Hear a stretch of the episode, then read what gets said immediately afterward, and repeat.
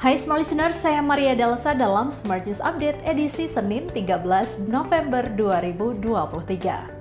Small listeners, upah minimum provinsi atau UMP 2024 dipastikan naik.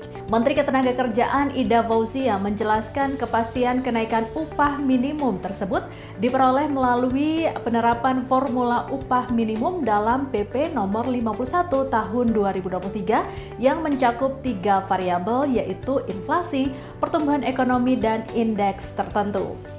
Indeks tertentu sebagaimana dimaksud ditentukan oleh Dewan Pengupahan Daerah dengan mempertimbangkan tingkat penyerapan tenaga kerja dan rata-rata media upah.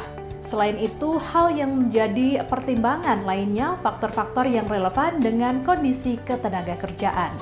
Berita selanjutnya, Kementerian Energi dan Sumber Daya Mineral mengatakan Tanah di Jakarta turun 0,04 hingga 6,30 cm per tahun selama periode 2015-2022. Pelaksana tugas Kepala Badan Geologi Kementerian SDM Muhammad Wafid mengatakan hal itu menunjukkan adanya pelandaian penurunan tanah dibandingkan periode 1997 hingga 2005 di mana laju penurunan tanah mencapai 1 hingga 20 cm untuk memulihkan muka air tanah dan pelandaian laju penurunan muka tanah. Wafid mengatakan Kementerian SDM mengeluarkan keputusan Menteri SDM tentang standar penyelenggaraan persetujuan air tanah.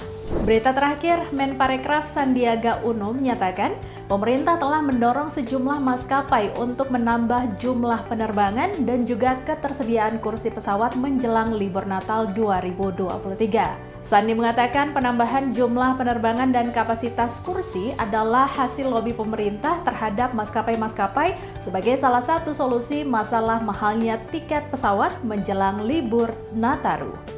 Sekian berita hari ini, jangan lupa ikuti Smart Business Outlook 2024 28 November 2023 di Hotel Borobudur, Jakarta. Jangan lupa daftarkan diri Anda dan juga tim Anda di 0812 11 12 959 atau untuk informasi lebih lanjutnya Anda bisa cek Instagram at Radio Smart FM 959.